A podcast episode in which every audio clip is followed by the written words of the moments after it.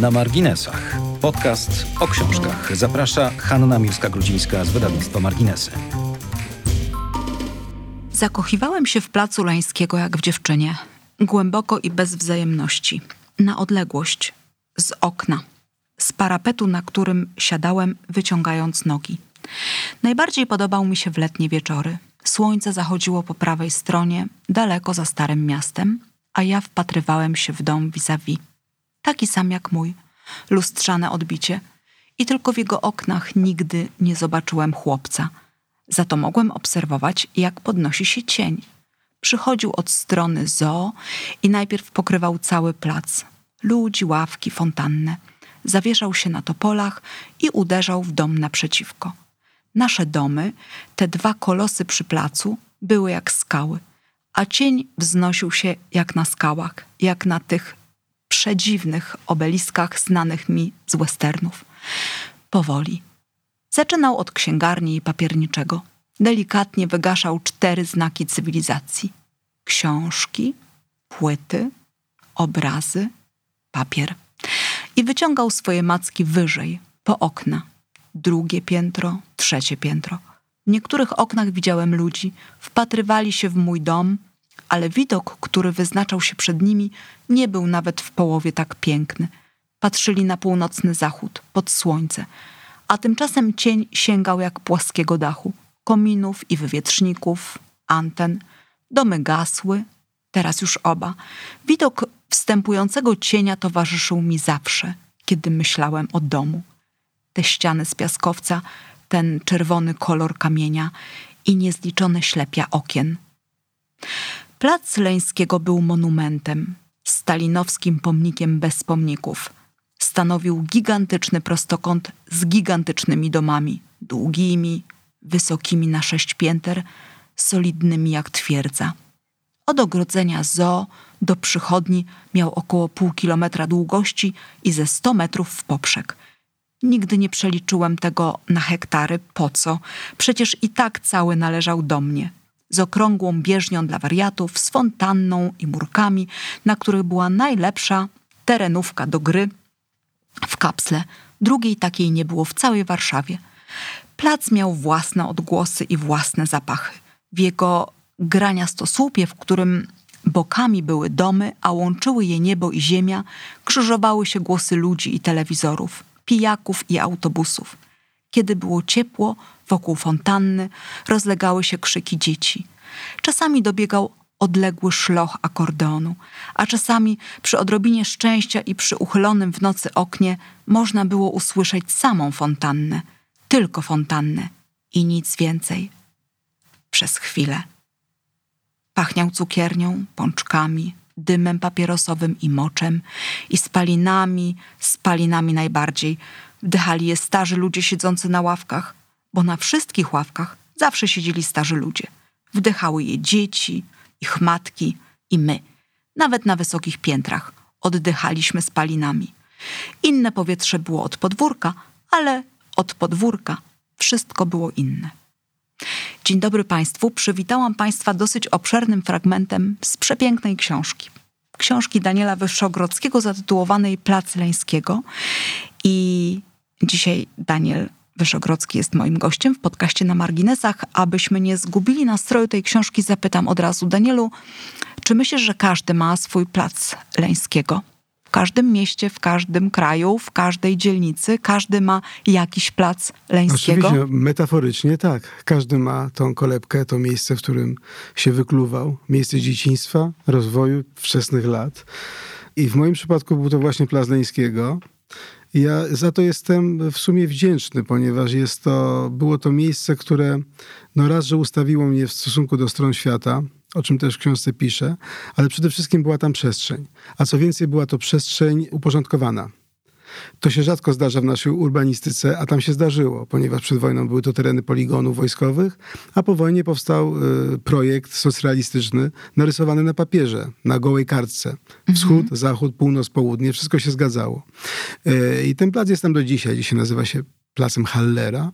I Została nazwa jesteśmy w Warszawie oczywiście. Jesteśmy tak. w Warszawie, na Pradze, czyli w prawobrzeżnej Warszawie. Nie tak bardzo zniszczonej jak ta lewobrzeżna. Prawie w ogóle nie zniszczonej, tak. tak. Natomiast jest to, plac jest położony, bezpośrednio styka się z warszawskim zoo i dla mnie to jest do dzisiaj takim wyznacznikiem, kiedy muszę komuś zlokalizować y, ten plac, ponieważ y, ludzie mało znają praską stronę prawobrzeżną Warszawę, zwłaszcza ludzie spoza miasta, spoza Warszawy i tak, czasami nawet lubię podkreślić, że gdyby poprowadzić prostą linię między placem Zo przez Wisłę do Starego Miasta, to to jest wszystko bardzo blisko, to jest właściwie rzut kamieniem, to jest około kilometra.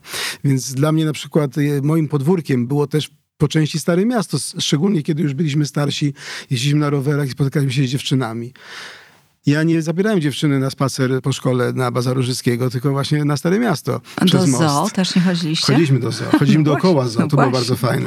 Bo to był piękny spacer. To było to, co mój dziadek mi kiedyś w, przyzwyczaił mnie do takiego określenia, jak byłem mały. Nazywał to żartobliwie małą pętlą bieszczacką, bo tak jak tam są dwie, tak tutaj była pętla wokół zoo i Parku Praskiego, to była ta mała, a ta duża to było wyjście z Placu Leńskiego przez Most Gdański na Nowe Miasto, Stare Miasto i powrót Śląsko-Dąbrowskim przez Park Praski. Mhm. Uwielbiałem, chodziłem tam przez całe życie właściwie takimi tymi trasami. I to chyba dziadek albo twój tata też dzielił Stare Miasto na Stare Miasto i Nowe Miasto, mówiąc, że starzy warszawiacy y, robią taki podział, natomiast wszyscy nowi, czyli wszyscy, którzy przybyli do Warszawy już y, po wojnie, łączą Stare Miasto z Nowym w Stare Miasto. Mhm. Y, Bo całość stanowi Starówkę, natomiast Starówka się dzieli na Stare i Nowe Miasto, a granicą są mury Barbakanu i mury obronne Starego Miasta. Proszę Państwa, mówimy dzisiaj o książce przepięknej, wyjątkowej i takiej, która właściwie jest w każdym z nas, bo to, czy ona dzieje się w Warszawie, czy w Krakowie, czy w Gdyni, czy w Grudziądzu, nie ma żadnego znaczenia. Czy ona dzieje się na Placu Leńskiego, czy na Placu Grunwaldzkim, czy na ulicy Wielkokackiej, czy Orłowskiej, też nie ma żadnego znaczenia. To jest książka w zasadzie, którą każdy z nas nosi w sobie, a jej autor Daniel Wyszogrodzki, skądinąd autor zupełnie i kompletnie innych rzeczy. Przede wszystkim mm, długoletni dyrektor artystyczny Teatru Roma, człowiek, który przekłada musicale, który napisał świetne książki mm, o zupełnie tematach, które w ogóle nie są nawet zbliżone do tych, o których opisuje. Zajmował się całe życie muzyką i przekładami z angielskiego. Nagle pisze książkę, która jest w zasadzie w każdym z nas, bo jest to książka, proszę Państwa, oczywiście autobiograficzna. Autor się co prawda oczywiście ukrywa, ale wiemy od początku, że no, za wiele nie ukryje, bo pisze o sobie. Natomiast pisze to w taki sposób i świat konstruuje w taki sposób, że idąc z nim w tę podróż, idąc w tę podróż z autorem, podążamy właściwie w swoją podróż. Idziemy w swoje dzieciństwo, szukamy części wspólnych, rozmyślamy o swoich e, życiowych sytuacjach i przez to właśnie, Danielu, ta książka jest taka magiczna, bo tak jak powiedziałam, nie ma znaczenia, Plac Leńskiego jest takim symbolem naszych wspólnych kotwic, które gdzieś tam nas trzymają w naszych dzieciństwach. Jak to jest, że po takim czasie, po takim dorobku, po zajmowaniu się w życiu kompletnie innymi rzeczami, nagle przychodzi moment, kiedy ta książka musi się urodzić w tobie. To jest bardzo obszerny tom. Pisałeś ją szybko, ale długo, ale ciekawi mnie, w którym momencie życia przychodzi taka refleksja, że to jest teraz i już. Ja tę książkę długo nosiłem w sobie. Powiedziałaś przed chwilą, i tutaj mogę przeklasnąć, że nosimy w sobie to właśnie wspomnienie z dzieciństwa, te wczesne lata. Jedni pamiętają je lepiej, inni gorzej. Ja na skutek jakiegoś przedziwnego zjawiska pamięci. Bardzo dobrze, jak chyba zauważyłaś, zapamiętałem tamte młode lata. Ja spotykam się w rozmowach z moimi kolegami, rówieśnikami, że jednak yy, ludzie częściej pamiętają liceum, lepiej pamiętają liceum niż podstawówkę. U mnie jest właściwie odwrotnie. Mam doskonałą pamięć tamtego okresu. Nawet do pewnych tam powiedzeń i dialogów włącznie. I ja tą książkę nosiłem sobie, bo... Yy, może to jest bardzo nieskromne, żeby pisać o sobie, ale ja piszę o kolegach, piszę o rodzinie, piszę o kraju, piszę o świecie, piszę o wakacjach. Myślę, że są elementy wspólne, które ludzie odnajdą w tej książce, bo dzieciństwo, nasze poznawanie świata ma zawsze jakieś wspólne elementy, ale są też, yy, myślę, że też dla niektórych ludzi z kolei, dla, pewnie dla młodszych czytelników, to będzie kompletna egzotyka, czyli dla nich to może być ciekawe właśnie nie poprzez szukanie wspólnoty, tylko poprzez yy, przeciwieństwa. To jest zupełnie inny świat, świat kierujący się innymi kryteriami. To jest taki świat, w którym, jak tam ja pod koniec książki piszę, bo ja marzę o normalnym świecie. Dla mnie normalny świat to byłby taki, gdzie mógłbym pójść do sklepu i kupić sobie płytę Beatlesów. No a wtedy nie mogłem. Zresztą te moje rozpaczliwe usiłowania tam od pocztówki dźwiękowej kupionej na bazarze Różyckiego są opisane.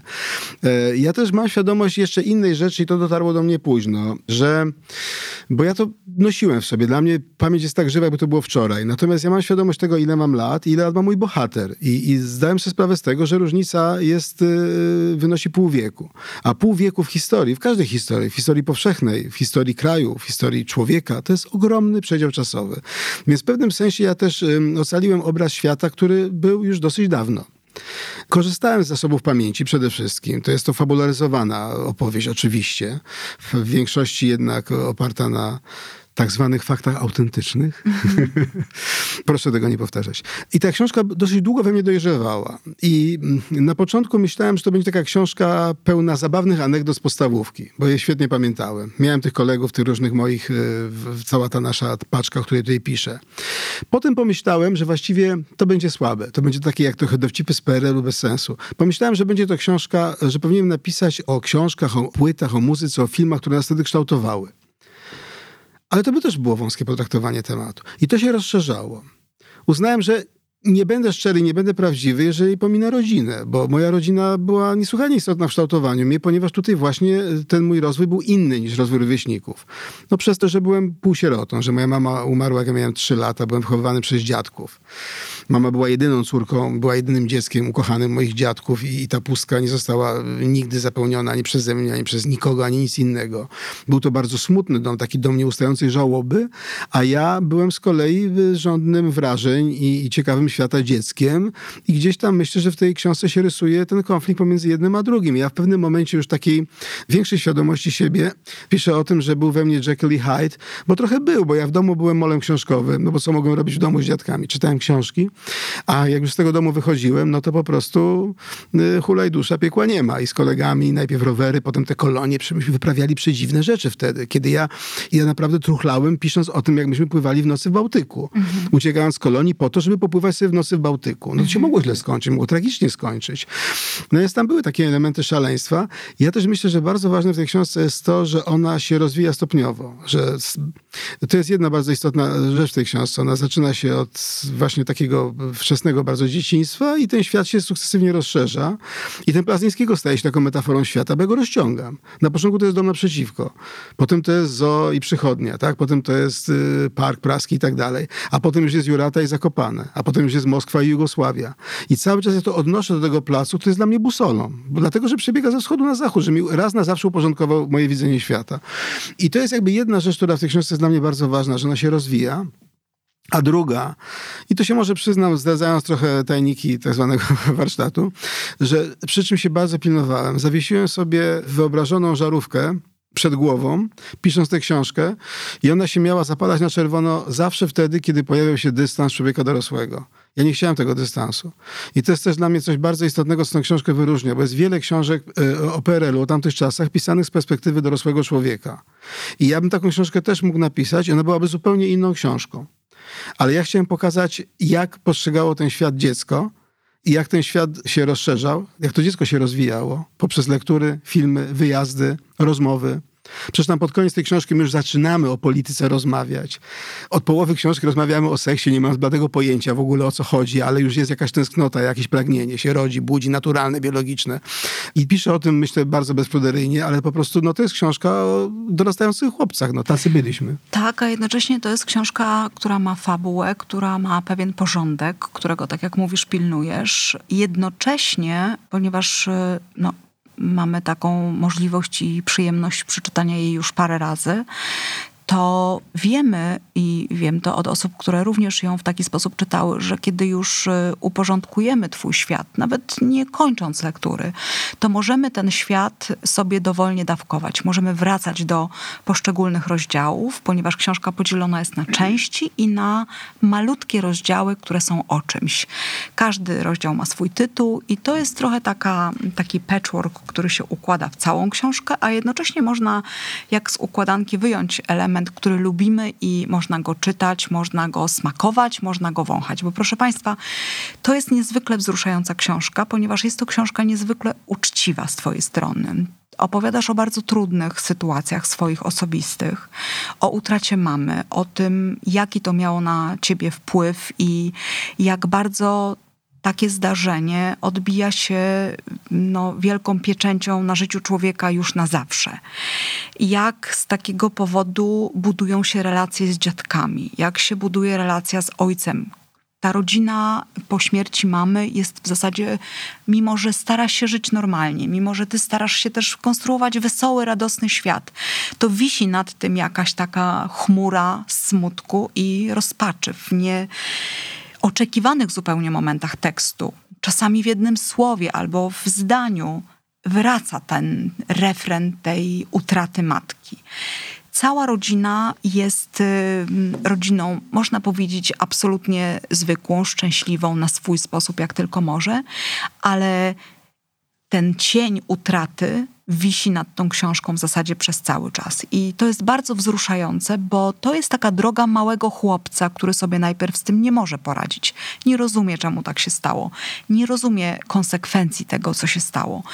I potem powoli, powoli dojrzewającego już chłopczyka dojrzewającego młodzieńca, aż jest już no, w miarę ukształtowanym chłopcem, który jakoś dalej rozumie świat. Książka oczywiście w pewnej chwili się kończy, bo taki jest twój zabieg, żeby ona zakończyła się w odpowiednim momencie. Proszę, nie zdradzajmy. Nie zdradzamy, nie, nie. Ale y, pozostajemy ciągle w takim napięciu, że ta historia oczywiście ma dalej z tobą ciąg dalszy. A jaka jest twoja historia dalej, wiemy już z twoich not biograficznych. Ty jesteś oczywiście tłumaczem, autorem, dziennikarzem muzycznym, wykładowcą w Akademii Teatralnej w Warszawie. Byłeś kierownikiem literackim Teatru Muzycznego Roma, współpracowałeś z magazynem Jazz Forum, w tej chwili z Radiem 357. Jesteś autorem książki biograficznej o zespole The Rolling Stones, oczywiście o wspomnianym już w naszych podcastach leksykonie, ale musicale o stuleciu stuleciu musicalu ale jesteś również autorem przekładów poetyckich książek Leonarda Coena. Masz za sobą przekłady i tłumaczenia świetnych tekstów różnych muzyków. Do, przełożyłeś wiele bardzo popularnych musicalu. No jesteś człowiekiem orkiestrą. I kiedy my wiemy, że ty jesteś kimś takim i nagle dostajemy opowieść z twojego dzieciństwa, to przyznam, że jest to zderzenie z czołgiem. Ja, znając Ciebie już przecież parę lat, nie spodziewałam się, że takie doświadczenia są za Tobą, że przeszedłeś jednak tak trudną drogę i że po tym wszystkim jesteś kimś takim. Jesteś że właściwie ta książka jest trochę dla mnie takim, taką opowieścią o ocaleniu, że mimo tego, że w tak dobrym domu, jednak serdecznym, szczęśliwym, wychowuje się trochę smutne i kochane w zupełnie inny sposób dziecko, robi się potem ktoś taki jak ty. Wesoły, optymistyczny, życzliwy, wspaniały facet, który w pewnej chwili daje nam taką historię. Czy ty miałeś świadomość tego, że jednak ta historia w jakiś sposób cię obnaży? Czy jesteś na to przygotowany, że teraz ludzie będą ci zadawali pytania o mamę, o babcię, o dziadka, o ten twój stosunek do kobiet i mężczyzn, bo on jest bardzo charakterystyczny w tej książce. Czy nie boisz się tego zdarzenia? Nie boję się, ponieważ piszę o sobie, którą byłem bardzo dawno temu. Piszę o małym gamoniu, który poznaje mm -hmm. świat, popełnia błędy, jest ciekawy jednych rzeczy, innych mniej. I ja nie biorę za niego odpowiedzialności. Mogę brać odpowiedzialność za to, o czym powiedziałeś, za to, co robię teraz, jakim się stałem. To oczywiście tak. Natomiast mm, jeżeli chodzi o to obnażenie się, ja wiedziałem, że się że się obnaży przystępując do pisania tej książki. Dlatego, że na przeciwnym wypadku nie miałaby najmniejszego sensu dla mnie. Znaczy ja pomyślałem, że albo albo tak jak było, albo wcale. Stąd też są te nasze no, pewne tam chłopięce historie opisane dosyć, dosyć obrazowo, ale też e, nie chciałem patować oczywiście tym, tylko należne miejsce przeznaczyć na nasze rozwojowe historie związane z, właśnie z dorastaniem. Też jest tam momentami coś, co jest mi kompletnie obce, mianowicie bardzo wulgarny język. Ale mój bohater jest chłopcem z dobrego domu i, i to jest też taki, mogę to przyznać teraz, zamysł naturalny zamysł narracyjny. Mój bohater nie używa wulgaryzmów, natomiast kiedy cytuje kolegów, z którym się musiał zmagać, kolegów ze szkoły, czyli gitowców, git ludzi, chłopców z patologicznych rodzin, z chłopców, którzy mieszkali z matkami, bo ojcowie siedzieli w więzieniu na przykład i którzy byli postrachem szkoły, którzy byli starsi od nas, od, ode mnie, od moich kolegów. Bo dzielnica Warszawy, o której mowa jest w książce, czyli Praga, no jest taką dzielnicą trudną społecznie. Tak, a to była Praga 2, tak zwana Nowa Praga, czyli nie ta stara Praga wokół Targowej Bazaru Różyckiego. Nie Saska Kępa też. Nie Saska Kępa też. Na Saskiej Kępie mieszka mój ojciec i tam bywam w weekendy. I to jest też dla mnie zupełnie inny świat i taki y, zachęcający do innego rodzaju eksploracji. Paradoksalnie to właśnie na Saskiej Kępie dokonuję jedynego włamu w życiu, pierwszego i ostatniego. z wiadomym skutkiem. No, natomiast Praga 2 była takim miejscem, w którym się to wszystko mieszało. Czyli na przykład moi dziadkowie, przedwojenna inteligencja, bardzo zamożni ludzie, których system złamał i zdegradował, mieszkają obok y, właśnie ludzi ze środowisk przestępczych i te dzieci razem chodzą do szkoły. To się tam bardziej mieszało, dlatego że ta Praga stara była taka bardziej jednorodna. To był taki skansen już zupełny. Natomiast tam u nas było jedno i drugie. I ci moi koledzy tutaj, jeszcze ci moi koledzy tej książki nie widzieli. Mam nadzieję, że mnie nie zlinczują, bo to są przecież y, prawdziwe osoby, z którymi zresztą mam kontakt do dzisiaj, z częścią z nich. I tacy chłopcy jak Baju, dziecko lekarskiej rodziny. Tacy chłopcy jak Trefniak, który zrobił później karierę naukową. Nas tam było Cęcik, którego ojciec pracował w telewizji, był takim naszym oknem na świat. Myśmy byli tymi tak zwanymi dziećmi z dobrych domów. Myśmy musieli wypisywać sobie pochodzenie w papierach inteligencja pracująca, bo były tylko trzy opcje. Było chłopskie, robotnicze albo inteligencja pracująca. No tak to wtedy wyglądało. No i to była ta moja inteligencja pracująca, ta rodzina, która właśnie no, mówi, że była taka, jaka była, ale była też no, na swój sposób dysfunkcyjna, ponieważ dziadkowie żyli stratą, której ja nie byłem w stanie rekompensować. Mój ojciec po śmierci mamy był przez 10 lat y, wdowcem. Był samotnym mężczyzną mieszkającym samotnie, był lekarzem. Właściwie oddał się całkowicie pracy, spędzał wiele więcej. No tak, ale nie miał też wsparcia ze strony rodziny swojej żony. Nie, zupełnie nie. Babcia nigdy w życiu dosyć, nie dosyć, chciała dosyć, przyjąć. Nie, absolutnie nie. Potem to się zmieniło trochę, potem już zaczął bywać i tak dalej u babci, a to dopiero potem. Natomiast no, ja, to też w tej książce to jest charakterystyczne, mi się wydaje, że jak ja chcę coś z ojcem załatwić, to właściwie pogadać z nim, to muszę iść do szpitala. Mhm. Na szczęście miałem blisko, pracował w szpitalu praskim, gdzie mhm. zresztą lubiłem chodzić, choćby z racji tego wspaniałego widoku, który opisuję. Do dzisiaj stoi ten budynek tam, ale już jest, widok jest zasłonięty przez nowe części szpitalne dobudowane. No i ta Praga była takim mikroświatem, który się rozszerzał, bo ja miałem w sobie ogromną ciekawość świata. To, że mnie ojciec w siódmej klasie wysyła samego do Moskwy, co opisuję dosyć szczegółowo, bo było to samodzielny, mój pierwszy w życiu wyjazd samodzielny, do tego zagraniczny, a po trzecie, ja tam odbywam pierwsze w życiu rozmowy na temat polityki. To jest bardzo dla mnie było to kształtujące, kiedy osoba, która mnie tam przyjmowała, objaśnia mi mechanizmy systemu rosyjskiego, socjalizmu, jak to działa i tak dalej. Mój ojciec ze mną wtedy o takich rzeczach nie rozmawiał. Ale myślę, że wtedy nie rozmawiało się z dziećmi o takich nie rzeczach. Dzisiaj się. inaczej tak. już do tego Ale mój ojciec nawet by ze mną wtedy, wtedy, o tym jeszcze nie rozmawiał, bo po pierwsze uznał, że jestem za mały, a po drugie by się bał, że ja powtórzę. Ale już po krótkim czasie rozmawia z tobą bardzo mhm. zdenerwowany, kiedy wkoło ciebie po iluś latach pojawia się agent, który ojciec się dowiaduje o tej tak, sytuacji tak, tak. i ostrzega cię. Jest I właściwie tak, ratuje nam tyłek ratuje, tak naprawdę. Tak, tak, ratuje wam życie, więc tutaj ta e, polityka jakoś wchodzi do Wchodzi, do wchodzi. No i tam jest pod koniec roz, książki, jest jeszcze mm -hmm. pamiętam rozmowa moja e, z ojcem na temat, kiedy upadnie Związek Radziecki. To mm -hmm. jest też mhm. już takie ważne, bo zaczynamy tak rozmawiać.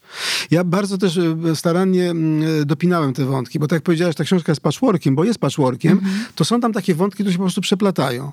Tak, prawie jest, jest wątek ojca, wątek babci, wątek kolegów, wątek muzyki, wątek poszukiwania dziewczyny, wątek jakichś takich moich rozważań związanych z religią, z nieśmiertelnością, z życiem pozagrobowym. Tak, to są takie refreny, które to wracają. Bardzo, tak, i one wracają, wracają, wracają, ale też te mhm. wszystkie wątki są na swój sposób domknięte.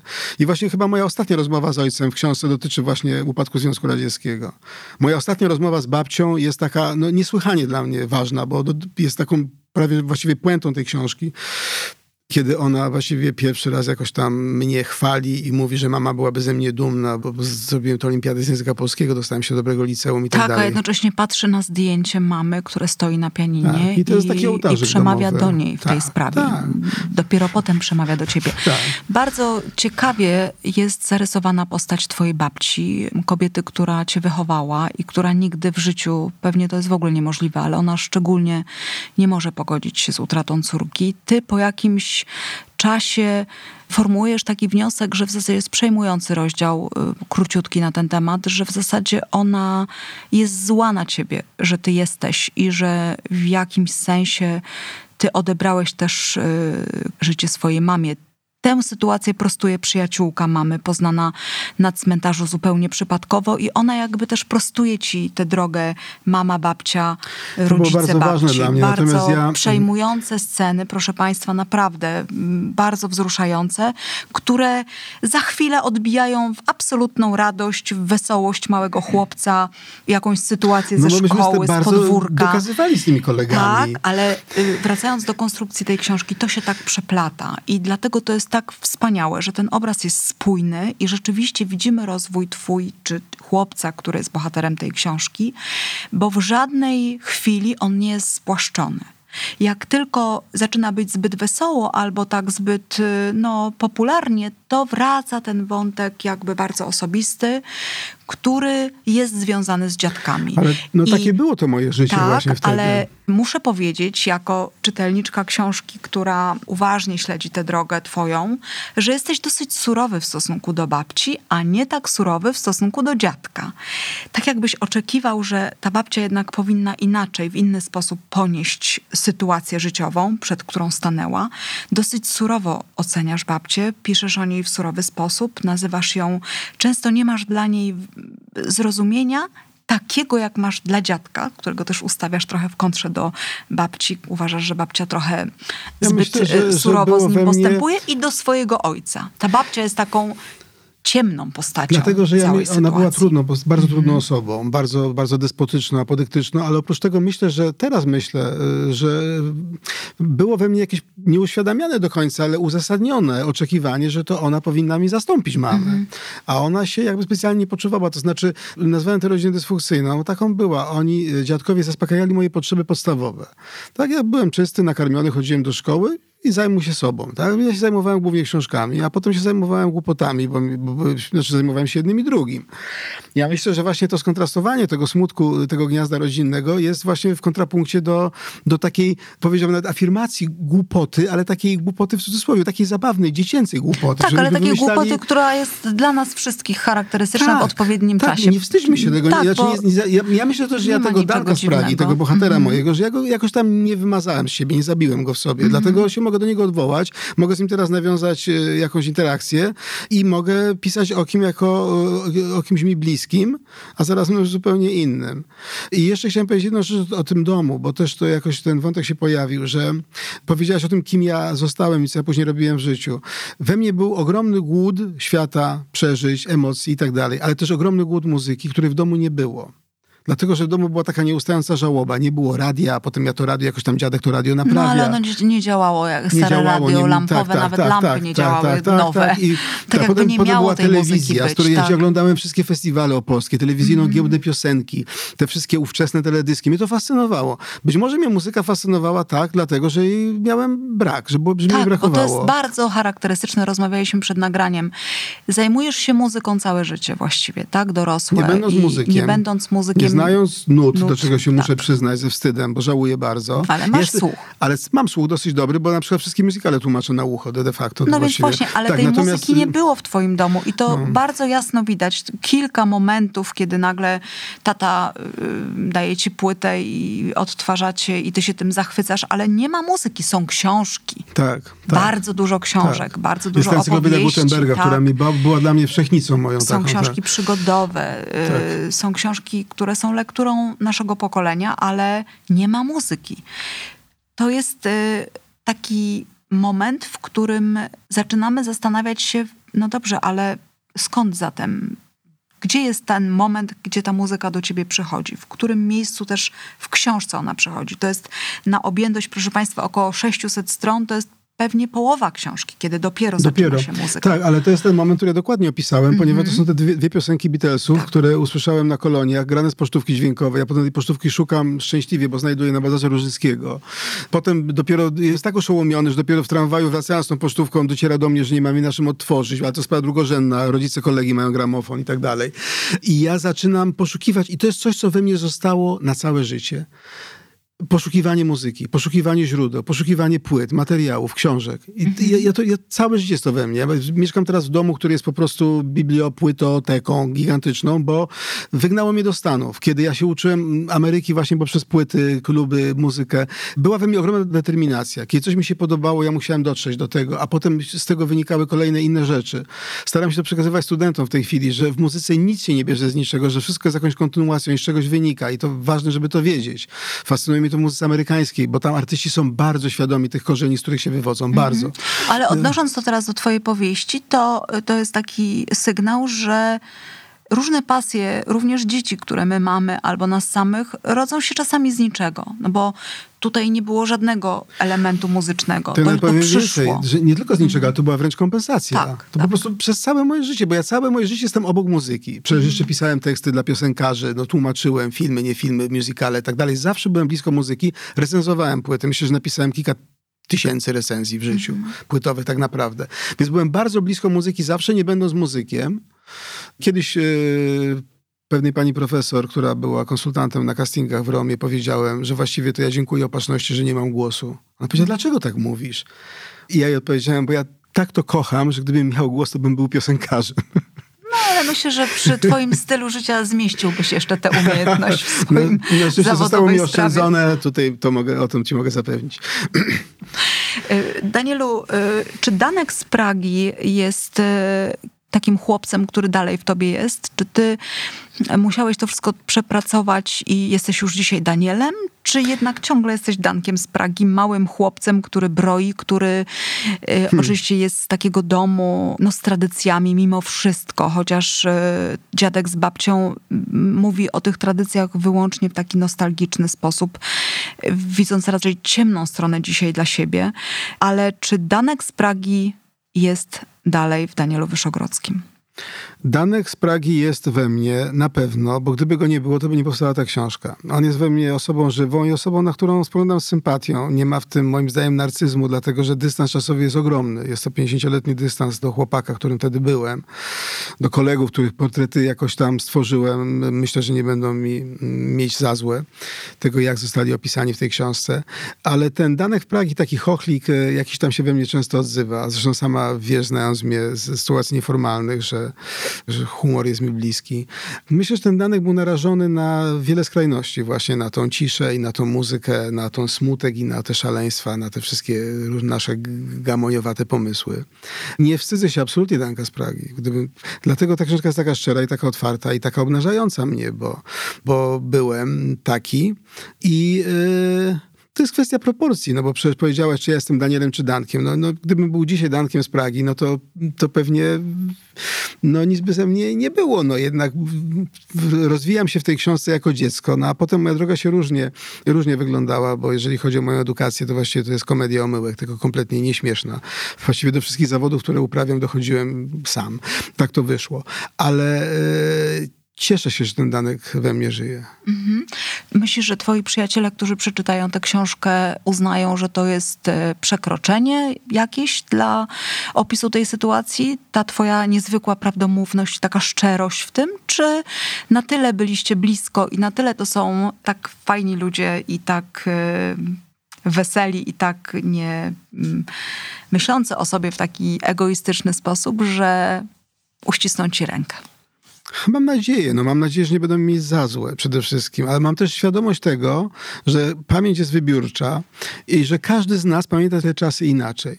I gdyby oni chcieli takie książki napisać o tamtych latach, to wszystkie byłyby inne. Mhm. Jestem przekonany, że tutaj kilka rzeczy sobie przypomną, kilka z łatwością rozpoznają i też myślę o tym, trochę na to liczę, ale też się boję, że będzie mi żal, yy, że nie konsultowałem tego z nimi, że przypomną mi mnóstwo rzeczy, które pominąłem. No bo to jest ta wybiórczość nasza. I tam są ci moi przyjaciele dwaj bliscy, czyli Baju i Trefniak, z którymi mam kontakt do tej pory.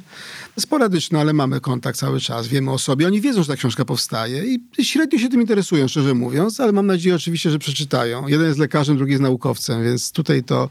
Ale myślę, że i w momencie, kiedy zobaczą, że to jest o nich, to połkną haczyk. Mhm.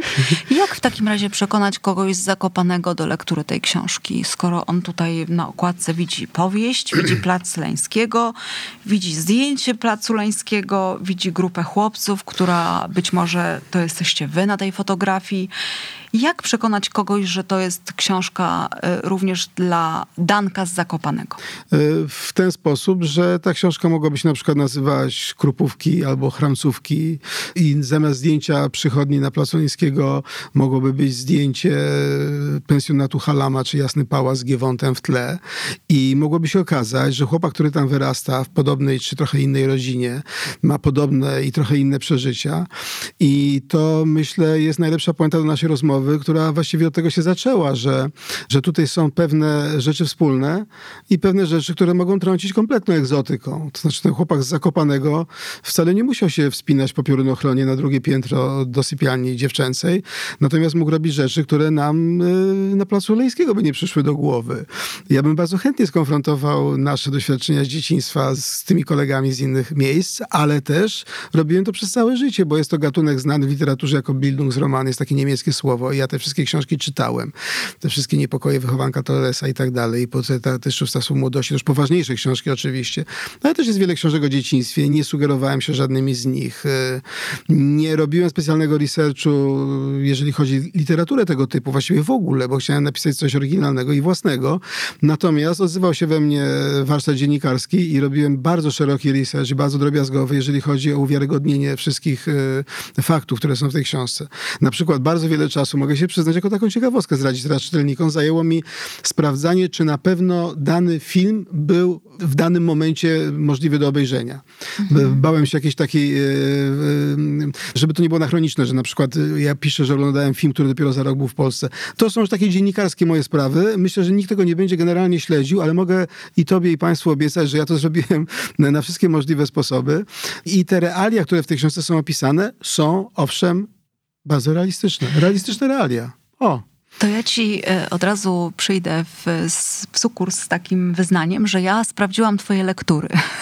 Czy rzeczywiście jest tak, że ten e, Tomek i Robinson Crusoe, to wiadomo, ale jest też kilka lektur, które e, sprawdziłam, czy rzeczywiście w tamtym czasie mogły być publikowane i wszystko się zgadza. Te lektury rzeczywiście były i świat się wtedy nimi, polski świat zachwycał.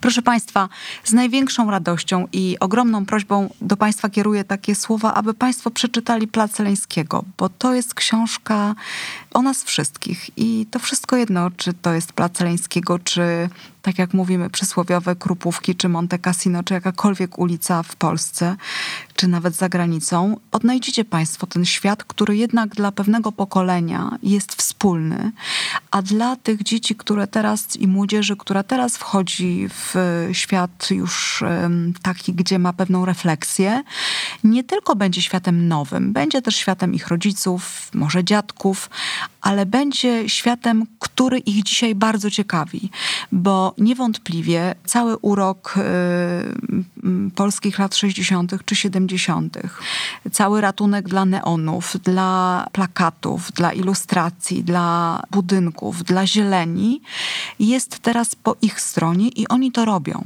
Zwróć uwagę, że oni nie odpychają tego od siebie tak jak pokoleniowo często nie chcemy różnych rzeczy wiedzieć. To Bo pokolenie. Już minęło wystarczająco tak, dużo tak, czasu. Dokładnie.